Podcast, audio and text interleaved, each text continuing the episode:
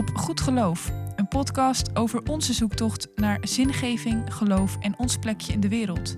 Heeft geloof nog iets te zeggen tot ons, kinderen van de 21ste eeuw? Hoe vul je dat nou in, geloof? Hoe zit het eigenlijk met de kerk? Wat doet zij hier nog? En wat moeten twee twintigers die dominee willen worden in een wereld waar geloof niet vanzelfsprekend is? Wij zijn Heime en Ilse, twee jonge theologen op zoek naar onze plek in de kerk en de samenleving. In deze podcast nemen we je mee in die zoektocht. Vandaag gaan we het hebben over een van onze rolmodellen. Eh, en eh, dat is Mr. Rogers. Hij moet nu al lachen. Hij waarom? Het muziekje is prachtig. muziekje het is, echt, is dit van Mr. Rogers zelf? Of is Dit- dit gewoon heel erg Mr. Roger-achtig? Dit is echt van Mr. Rogers. Ja. Mm. We hebben het nu eigenlijk al verklapt. Want eigenlijk ging ik een heel mooi verhaal vertellen over die ene keer dat wij hier bij mij thuis, wij nemen de podcast op bij mij, dat we op de bank zaten en dat we zaten te kijken naar een interview van de man die dit liedje zingt. It's a beautiful day in this neighborhood, a beautiful day for a neighbor. Would you be my neighbor? Ehm, en eh, we zaten echt sprakeloos en ontroerd te luisteren naar, eh, naar een van die filmpjes en een van die interviews. En ik weet nog dat we toen achteraf tegen elkaar zeiden van... Oh, als we ooit iets van zijn manier van interesse, zijn nederigheid, zijn compassie en geduld mogen krijgen... dan zouden we toch ja, best wel gelukkig zijn, maar ook denk ik eh, een betere predikant, denk ik Beter mens. beter mens überhaupt, ja. Want deze man in zijn leven en werk is echt een groot man, groot voorbeeld voor ons allebei. En vandaag proberen we jou eigenlijk mee te nemen waarom hij zo bijzonder is voor ons aan de hand van geluidsfragmenten die we hebben uitgekozen. En hoe hij ons allemaal misschien kan inspireren en helpen in ons geloof en leven. Maar voordat we het gaan doen, hebben we eerst onze vaste rubriek. Waar was Jezus? In deze rubriek bespreken we kort waar we Jezus de afgelopen tijd zijn tegengekomen. Dus het gaat om iets of iemand of een gebeurtenis, een moment. Het liefst buiten de kerk waar wij Christus tegenkwamen in ons leven. Eh, en daar stellen we dus die vraag aan elkaar en aan onszelf. Dus Ilse, waar was Jezus? Nou, ik werd eh, gewezen op een muziekcollectief. Dat heet Common Hymnal.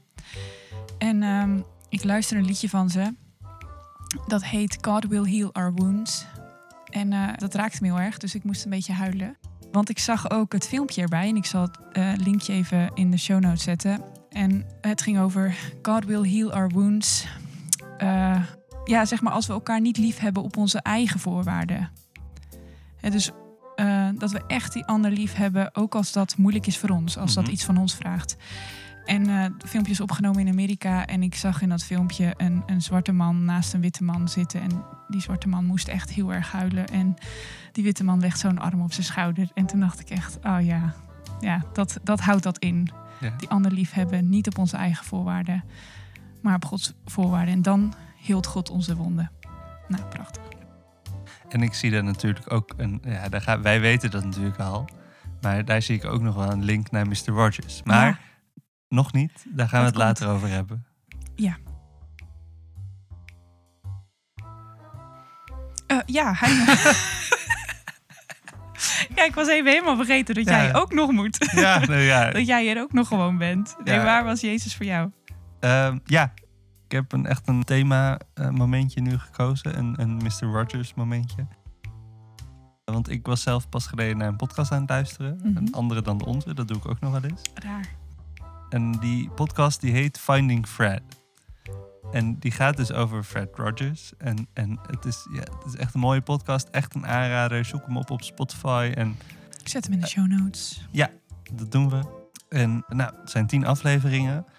En helemaal op het laatst heeft de host van die podcast... heeft echt een hele Fred Rogers-achtige afsluiting daarvan. En die, die raakte mij wel en die bemoedigde me mij. En eh, die bleef een beetje hangen. Dus toen heb ik hem op een briefje gezet. En hij zegt dus het volgende. Van het, gaat in, het gaat in die podcast ook al over de vraag van... Oké, wat is een goed leven? En eh, het leven is best wel moeilijk. En hoe, hoe doen we dat op een goede manier? En hoe helpen we elkaar om dat ook te doen? En eh, hoe deed eh, Mr. Rogers dat? En hoe kunnen wij, wat kunnen wij van hem leren daarin? Goed, dus een beetje vanuit die vraag van wat is een goed leven en hoe doen we dat? Zegt hij dan, I do not have doubt. I believe in your ability to imagine and live something better than this, because I am learning to do it myself. I am proud of you. I am grateful for you. I love you. En ja, dat, het, zeg maar, het is natuurlijk best wel een vreemd medium in die zin van, ja, ik ken die man niet, hij kent mij helemaal Mhm. niet. En zeg maar, hij had geen idee waarschijnlijk dat ik ooit op een avond hiernaar aan het luisteren zou zijn. Ja. Maar toch voel ik daar dan een soort persoonlijke connectie in. En eh, Mhm. die laatste woorden van ik ben trots op je, ik ben dankbaar voor je, ik hou van jou. Ja, je zou kunnen zeggen van ja, zo'n man kan dat helemaal niet zeggen tegen zo'n breed publiek die die niet Mhm. kent. Maar toch voelde ik daar echt een soort van eh, echtheid in. En Ja. ja. ja, dat vond ik gewoon heel mooi. Ik denk dat we daar zo meteen natuurlijk ook nog over gaan hebben. Hoe dat Mr. Rogers echt door de televisie heen spreekt. En Ja. ik denk dat je het aan de fragmenten straks ook wel hoort. Dat eh, hij komt echt binnen. Dus, eh, dus als je hem hoort of ziet, zijn manier van spreken en zijn manier van alleen al kijken. Ja, Ja, want, want hij doet echt een connectie, maakt hij. Ja. Door die televisie heen. ja, en dat is echt ongekend. Ik denk dat er weinig mensen zijn, die ik ken in ieder geval, die dat met mij doen. Ja, dat is het knappe ook. Eh, Nu gaan we wel een beetje met de, de aflevering beginnen misschien. Maar het knappe daarin vind ik ook dat hij dus dat doet... terwijl wij al heel veel televisie gekeken hebben. Ja, wij hebben superveel YouTube en alles gezien. En toch weet hij nog steeds die connectie met ons te leggen. Ja, Maar goed. eh, mooi bruggetje. Ja. Eh, ik denk dat je al een vermoeden had. We gaan het hebben over Fred Rogers. Bij veel Amerikanen zal hij een glimlach op zijn gezicht toveren als het het gezicht van hun kindertijd. En hij is in Nederland wat minder bekend, maar er is pas geleden een film van hem uitgekomen. Nou, niet van hem, maar van Tom Hanks, die hem speelt.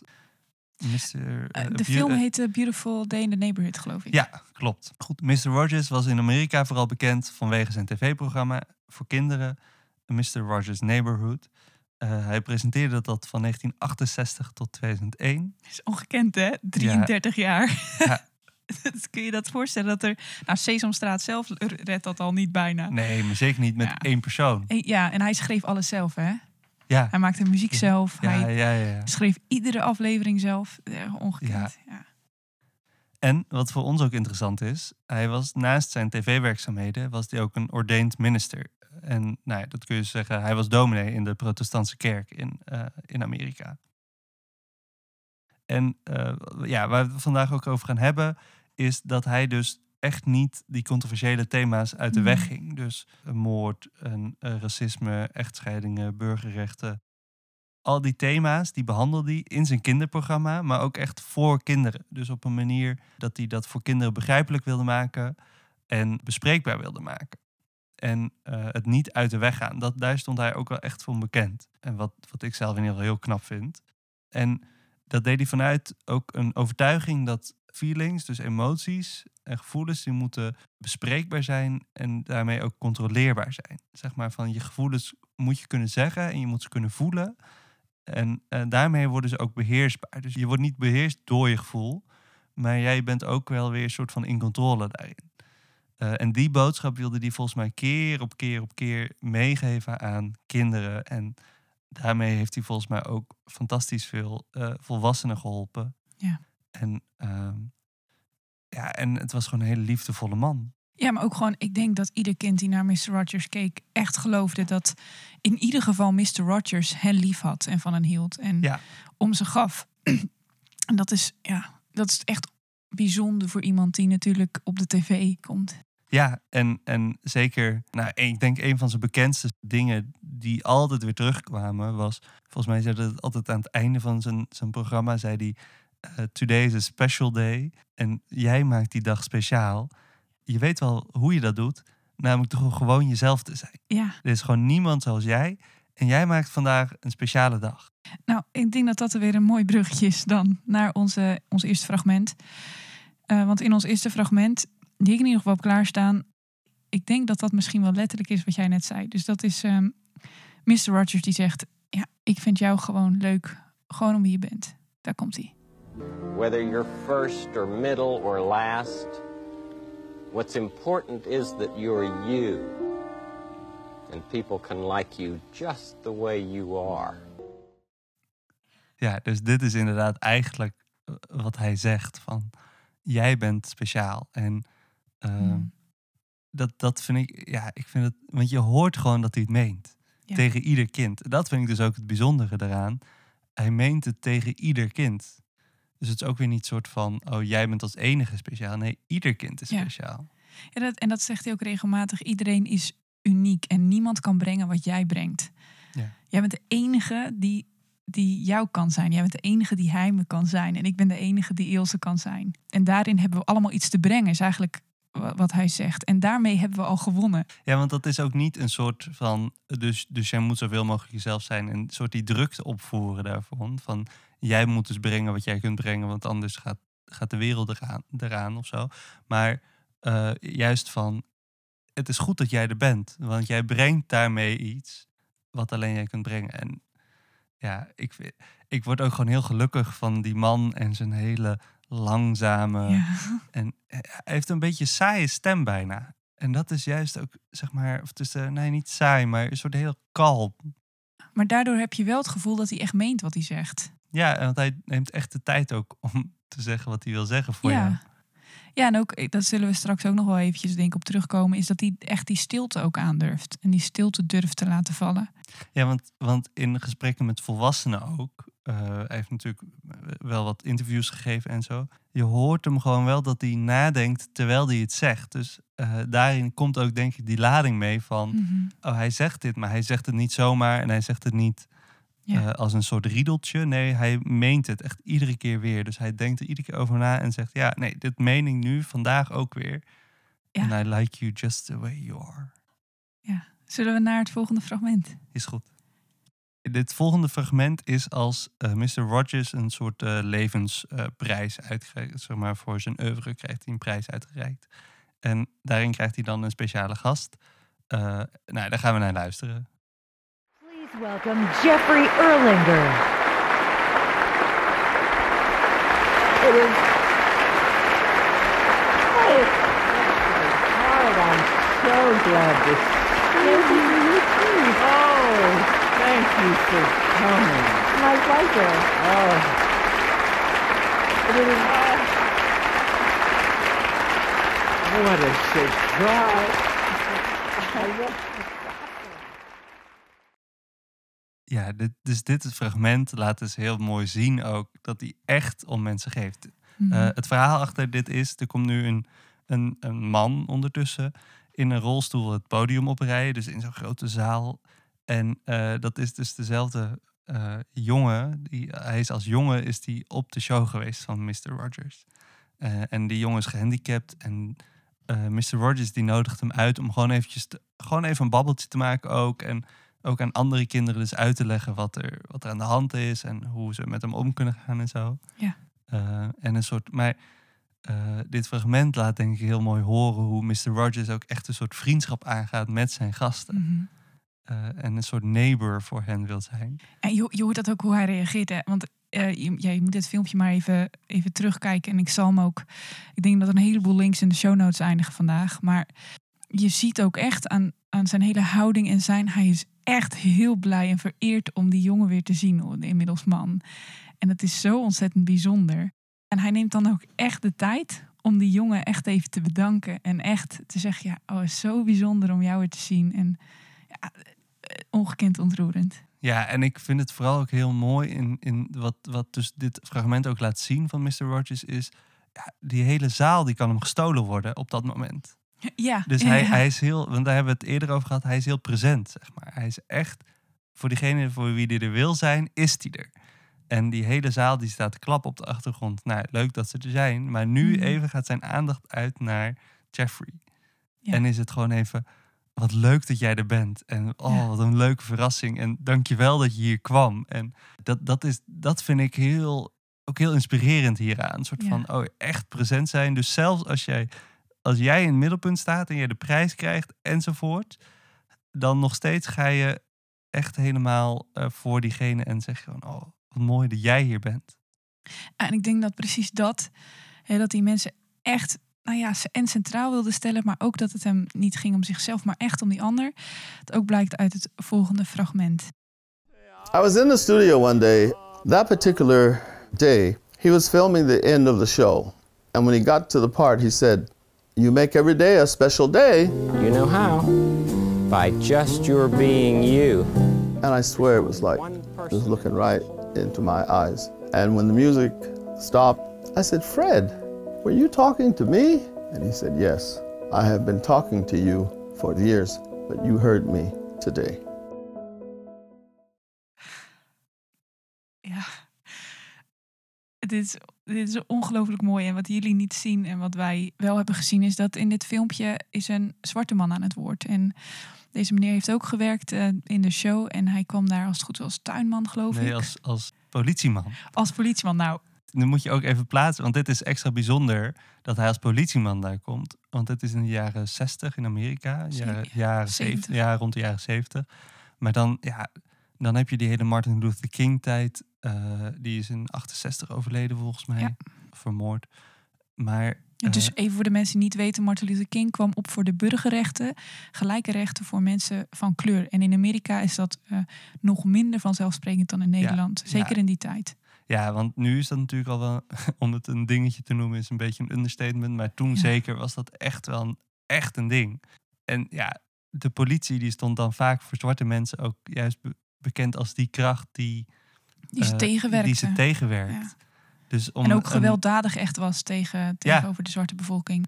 ja, dus om dan een zwarte man als politieman eh, te casten in je show, dat, dat is echt niks minder dan een politiek statement. Ja, en dus, dus hè, precies wat hij zegt in dit fragment is dat hij, überhaupt als medewerker dus, hè, maar dat zelfs hij had het gevoel dat Mr. Rogers het echt tegen hem had en dat hij echt hem erbij wilde hebben. En dat filmpje is echt heel ontroerend en hoe hij, nou, Mr. Rogers dat ook weer, ook weer zegt.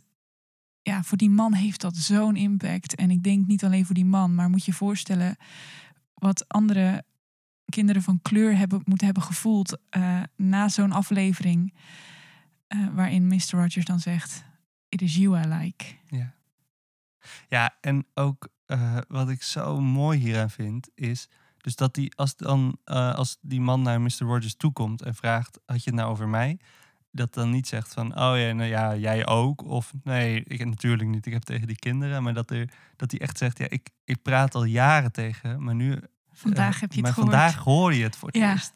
Dus dat hij ook echt zegt, ja, ik praat ook echt bewust tegen jou. Ja. En dat, dat vind ik ook echt zo... Het is niet per ongeluk liefhebben. Nee, dit is echt expres, echt met, met een doel. Dat zeggen tegen kinderen, maar dus ook tegen zijn eigen collega's. Ja. ja, en ik, het doet me ook denken: van durf ik, het, durf ik het aan om het hem ook tegen mij te laten zeggen? Die Mr. Rogers. Ja, Ja, oh, dat is een goede vraag.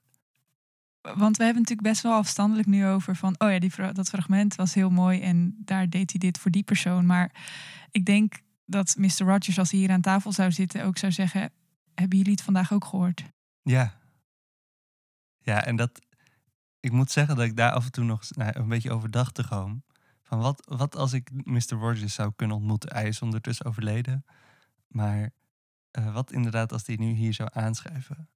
En dan inderdaad, ik, ik twijfel er geen moment over inderdaad. Dat hij dan inderdaad zou zeggen, it is you I like. En dan ook echt tegen ons zou hebben. Maar het is inderdaad een goede vraag van durf je dat ook soort Hm. binnen te laten of zo?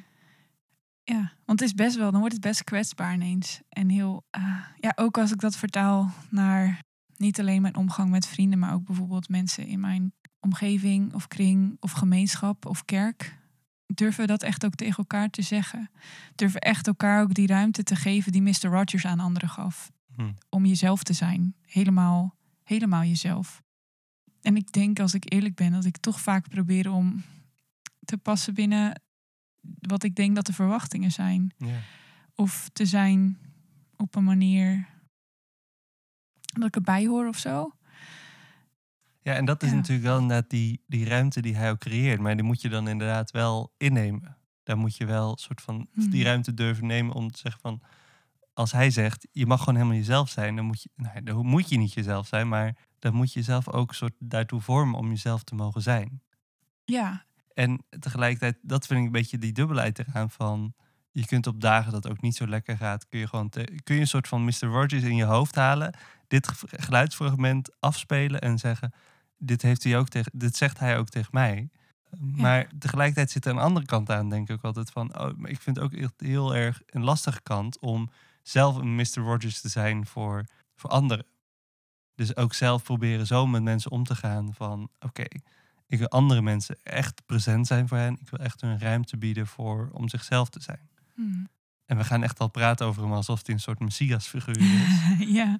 Dat Maar- is hij overigens niet, dat zei zijn vrouw. Hè? Dit vond ik heel grappig. Zijn vrouw zei in een interview over hem, zei, zei die, My husband was not a saint. ja. En hij zei, want ze zei niet zozeer omdat hij ook eh, slechte dingen, nou misschien, ik hoop het niet, ehm, dat hij slechte dingen deed. Maar hij zei, hij moest er heel erg hard voor werken. Ja. Voor hem was het echt om goed te zijn, liefdevol te zijn, geduld te hebben, daar moest hij ook voor werken. Ja, en daarin hoor je dus ook die, die keuze die hij maakt of zo. Die, Ja. Dus die keuze om lief te hebben van Mhm. die we al eerder hoorden. Ja, en hij vindt die keuzes ook heel belangrijk. Hij heeft het heel vaak over keuzes. Van, je hebt een keuze om, om goed te zijn. En je hebt een keuze om iemand anders te helpen. Ja, en dat is dus wel hard werken. Ja. Nou ja, en die keuze hebben wij dus misschien ook om... eh, want dat hoop ik echt. Dat, dat net als dat Mr. Rogers die veilige omgeving creëerde voor iedereen... door de tv... dat, dat ik dat ooit een dag, op een dag mag doen voor, voor een kerk of een andere gemeenschap. Hm. En dat mensen echt, nou ja, al is dat het enige wat ze eh, ervaren, dat ze zichzelf mogen zijn en dat ze uniek zijn en goed zijn zoals ze zijn. Als dat het enige, dan is dat denk ik meer dan genoeg.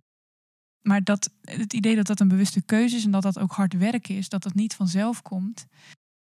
Nee, Ja. want, want Mr. Rogers, die, die, die zag dit ook als zijn roeping. Dus hij was, we zeiden al, hij is ordained minister, dus hij is Mhm. dominee.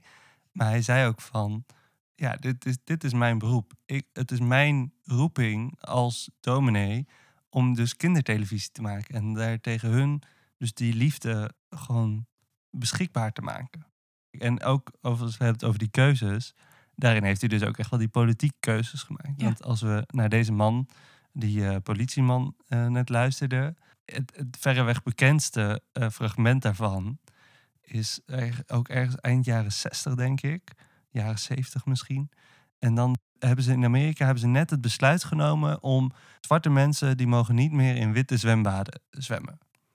Ja, En dan Ja. zit Mr. Rogers zit in, eh, in- lekker in een voetenbaadje op de show. En de zwarte politieman komt langs. En dan zegt hij, oh, kom erbij. En dan zegt die politieman, zegt dus ook, maar ik heb geen handdoek bij me. Ja. En want dat is ook nog zo'n ding. Je mag niet ook ja, handdoeken delen. Dat, dat is, kan niet. Dat is dat ook kan raar echt dan. niet. Ja. Dan zegt hij, ik heb helemaal geen handdoek bij me. Eh, zegt, en dan zegt Fred dus van, oh nee, dat geeft niet. Ik heb er, ik heb er nog wel eentje. En dan, gaan ze, en dan zie je ook echt in beeld dat ze samen, dat allebei de voeten in datzelfde badje, baadje Ja. zitten. Nou, dat is natuurlijk eh, inderdaad dat- een heel diep politiek statement. Ja, dat gaat echt Ja. niet per ongeluk. Ja, en, en dat laat precies ook zien dat hij controversiële thema's echt niet uit de weg ging. Ik heb ook een mooi fragmentje gevonden waarin dat echt blijkt. Dus wel echt een, un- ja, een uniek geluidsfragment in de zin dat ik hem nergens ben tegengekomen. En ik vraag me af of het überhaupt op film is. Of dat het een soort radioprogramma was. Hij praat samen met een, eh, een dokter met kinderen over ziek zijn. En eh, hij heeft het onder andere met de familie over het zieke kind. En dat zijn echt ernstige ziektes, hè, dus leukemie vooral. En andere zeer ernstige aandoeningen. En hier heeft hij dus met een hele familie, jongetje, broertje en ouders, over dit moeilijke onderwerp, een controversieel onderwerp, namelijk de dood. What were some hard questions that Eric had, has asked you? Can you think of any? I think mainly about the possibility of dying. Um, When Eric talks with you about death, what do you say? well, um, when he told me that he was afraid of it, I told him I was too. Um, and, but that we all are going to face it, and that oh, it's oh. an experience for all of us. And that I don't think that we'll ever be alone, whether we're here or afterwards. I don't think we're ever going to be alone.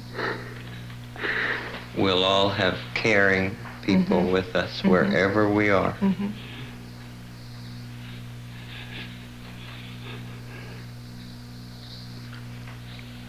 And I think that that must be the, the toughest thing is to think about not being together.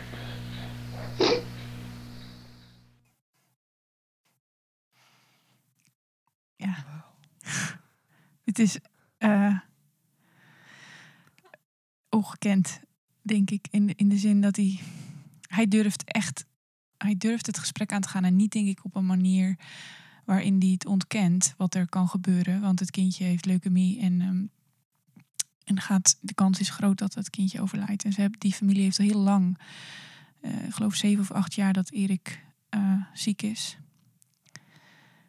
En dit laat denk ik ook zo zien hoe hij die emotie en die pijn er durft te laten zijn.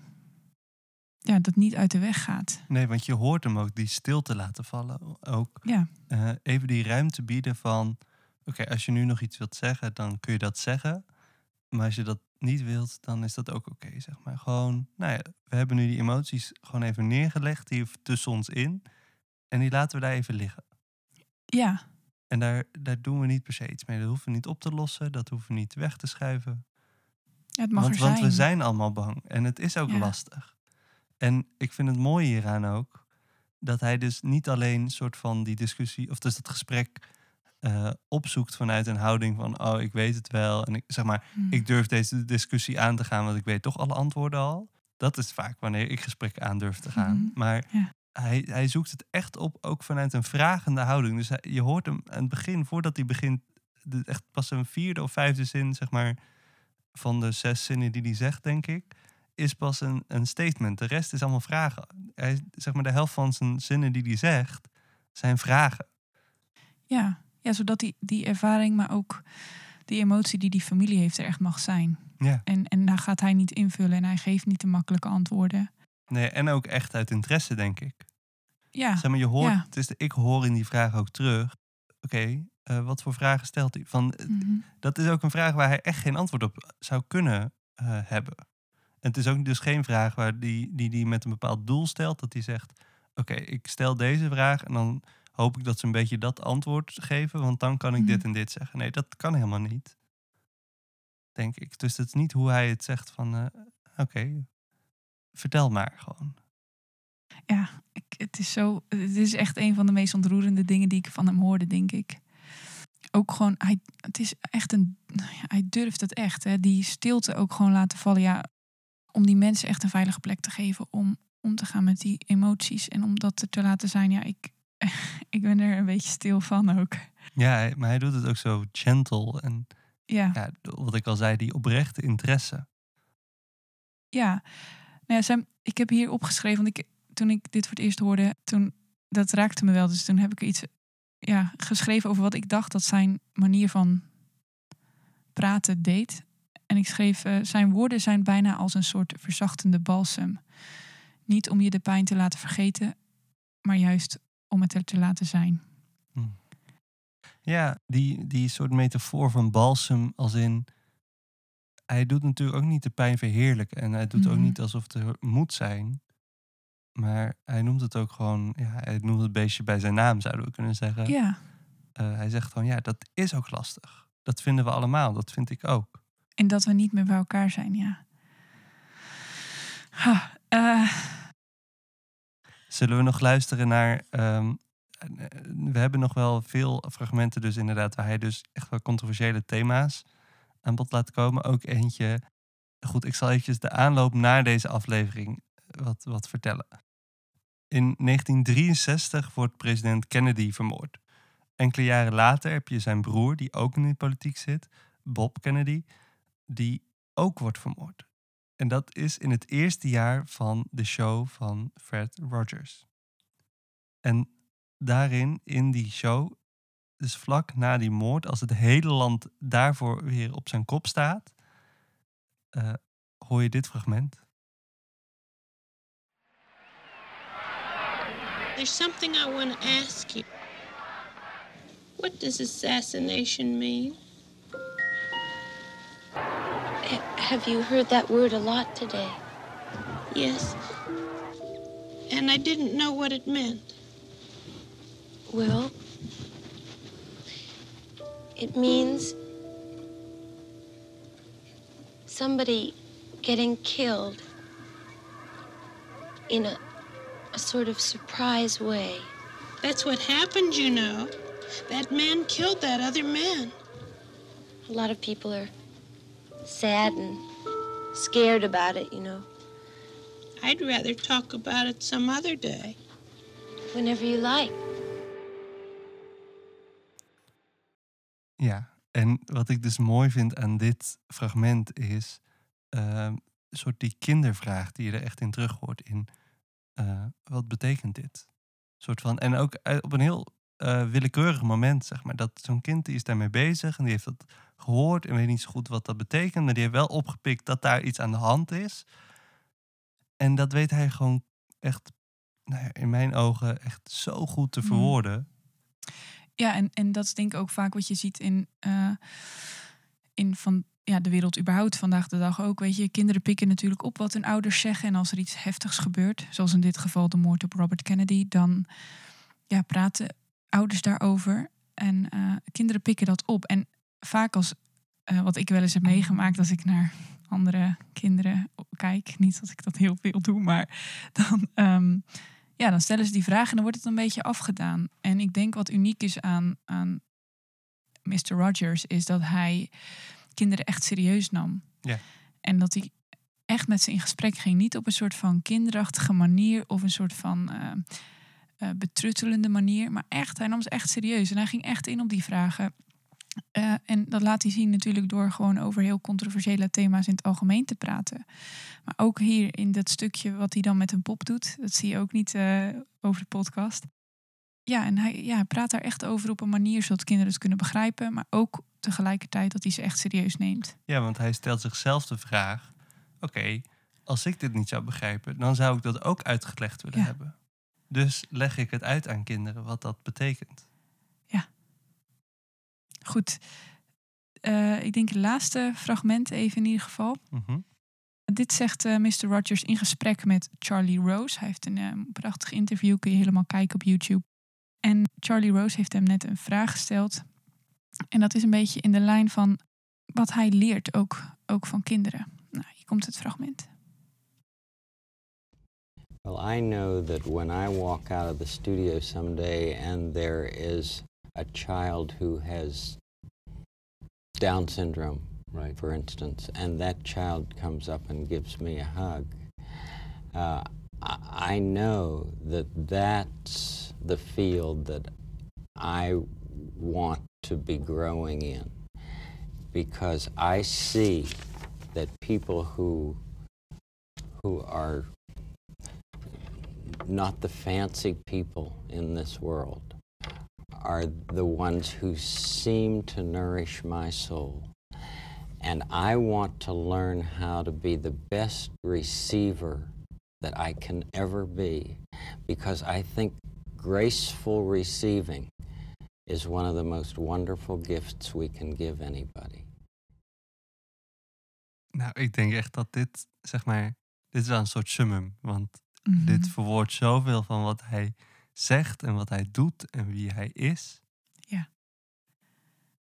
Er is plek voor iedereen. Iedereen, iedereen is wat waard. En niet alleen dat. Hij gaat nog verder en hij zegt eigenlijk ja, ik ben degene die iets te leren heeft. Ja, want hij gebruikt ook woorden als growing into. En Ja, eh, graceful receiving. Precies. En echt alsof hij nog ook op dat proces is. Want ik bedoel, wij Mhm. praten over hem alsof hij een soort van Held. Held is. Ja, en hij is natuurlijk ook heel inspirerend voor ons. Daarom praten we hier over hem. Mhm. Maar hij praat alsof hij nog bezig is in dat proces. Ja. En dat, in, in zijn optiek is hij dan natuurlijk ook. En die nederigheid, die heeft hij dan ook. Mhm. Nou, ik zat ook te denken, als we een waar was Jezus nodig zouden moeten hebben, dan ja, is dit toch een, het ultieme antwoord. Dat hij eigenlijk zegt van ja, nou, die ander hoger achter dan jezelf, die ander liefhebben. Nou, wat we ook in het begin al zeiden van ja, eh, mijn waar was Jezus moment was, liefhebben zonder voorwaarden, zonder dat je je eigen voorwaarden gaat stellen. Ja, dat lijkt hij gewoon wel te doen. In ieder geval niet de voorwaarden van de wereld stellen. Nee, en wat hij ook zegt en doet, is natuurlijk ook van wij hebben heel vaak liefhebben en voor iemand anders zorgen en ehm, iemand anders dienen. Dat Mhm. zijn altijd heel erg soort van actieve werkwoorden waarin wij echt iets te brengen hebben. Ik ga jou helpen. Ik Ja. heb iets te brengen en jij mist iets. Terwijl hij, hij juist zegt van ja, maar juist het soort van het ontvangen van iemand anders is het beste wat je iemand kunt geven. Ja. Dus dat ik zeg maar jou als Ilse mag ontvangen, dat is soort van het beste wat ik als persoon kan geven. Mhm. Die ander ruimte bieden, zoals we al zeiden. Ja, en volgens mij is dat ook een, een ontzettend moeilijke opdracht waar weer, waar we het net over hadden, dat harde werken voor nodig is. Want je moet een keuze maken om, om te ontvangen. Om die ander te ontvangen.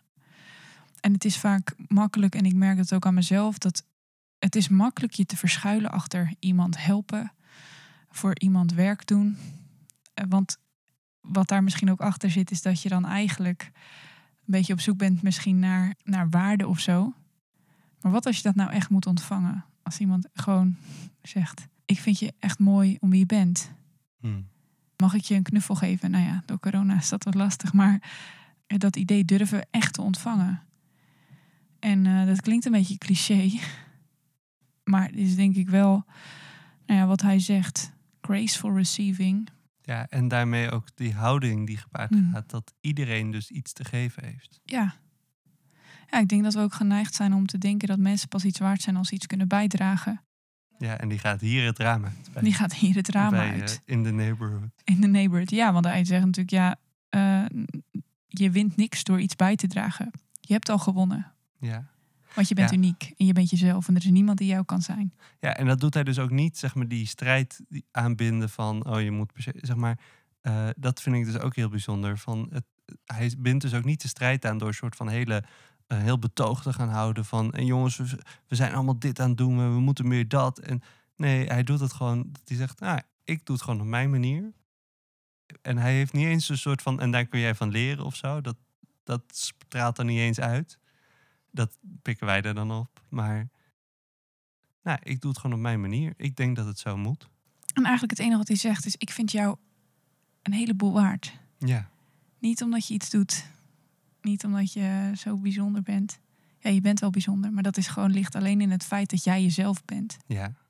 En ik denk dat dat iets is wat we allemaal wel eens kunnen gebruiken om te horen en te zeggen tegen elkaar. Nee, niet alleen wel eens. Ik denk dat dat een levenskwest is. Ja, weten, echt weten, diep van binnen, dat je er mag zijn, dat je geliefd bent en dat jij precies zoals je bent, dat dat meer dan genoeg is. ja.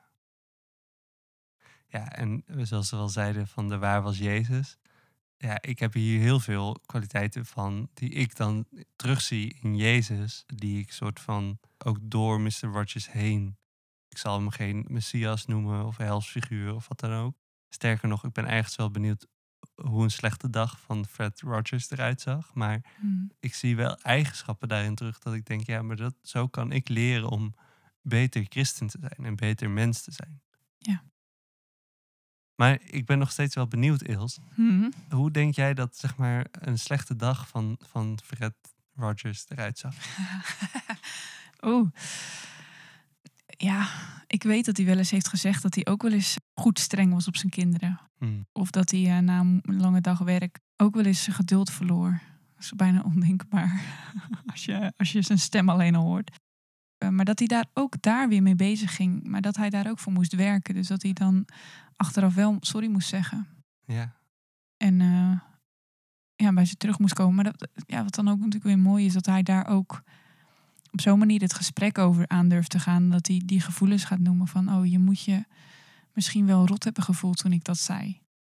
zijn vrouw zegt op een gegeven moment, die vertelt dan ook in een interview van... Ja, dan, dan was ik boos en dan wilde ik gewoon op iemand schelden. En dan wilde ik gewoon zeggen, ja, dit en dat. En, eh, en dan, dan vond ze hem eigenlijk haar man heel irritant. Want die zat dan, ja, maar misschien had hij wel een slechte dag. En eh, Ja, ja. zeg maar, die persoon was, was die dan ook, zeg maar. Ja, en er zit natuurlijk ook iets in woede. Soms is woede niet zo verkeerd als dat we het vaak, ja, vaak denken. En natuurlijk woede, als je dat op zo'n manier uit dat je iemand anders iets aandoet, is absoluut niet goed en niet goed te praten. Maar een heilig soort woede is helemaal niet zo verkeerd. Je hebt een heel bekend filmpje van hem, is dat hij zijn programma eh, verdedigt voor Mhm. subsidie van de overheid. En daarin haalt hij dan een liedje van zichzelf aan over boosheid. Hmm. En dan zegt hij dus, what do you do with the mad that you feel? En Ja. een beetje die clue is, ja, als je boos bent, dan nog steeds ben jij in controle. Dan nog steeds kun je zeggen, nee, ik stop nu. En, en dan zegt hij ook van, wat een, wat een heerlijk gevoel is dat toch? Dat je dan in controle bent en dat je kunt gewoon kunt zeggen, ik ben boos, maar ik ga niet schoppen, ik ga niet slaan, ik ga niet eh, al die dingen die, die een kind zou doen, zeg maar. Maar als kind al ben ik in staat dus om te zeggen, ik stop nu, ik heb, Ja. beheers mezelf. En dat is juist door daarover te praten en, en door het feit dat het er mag zijn. Ja. Hetzelfde is natuurlijk het bekende principe met angst. Dat je angst niet kunt overwinnen door het te negeren, maar door het te erkennen. Nee, want hij zegt dan ook, feelings are mentionable and manageable. Ja, Ik moet ook heel eerlijk zeggen, dat is een van die dingen die ik dan ook van hem meeneem en waar ik zelf mee bezig ben. En die ik dan nog wel eens tegen mezelf zeg van oké, ik voel me nu zo en zo en zo.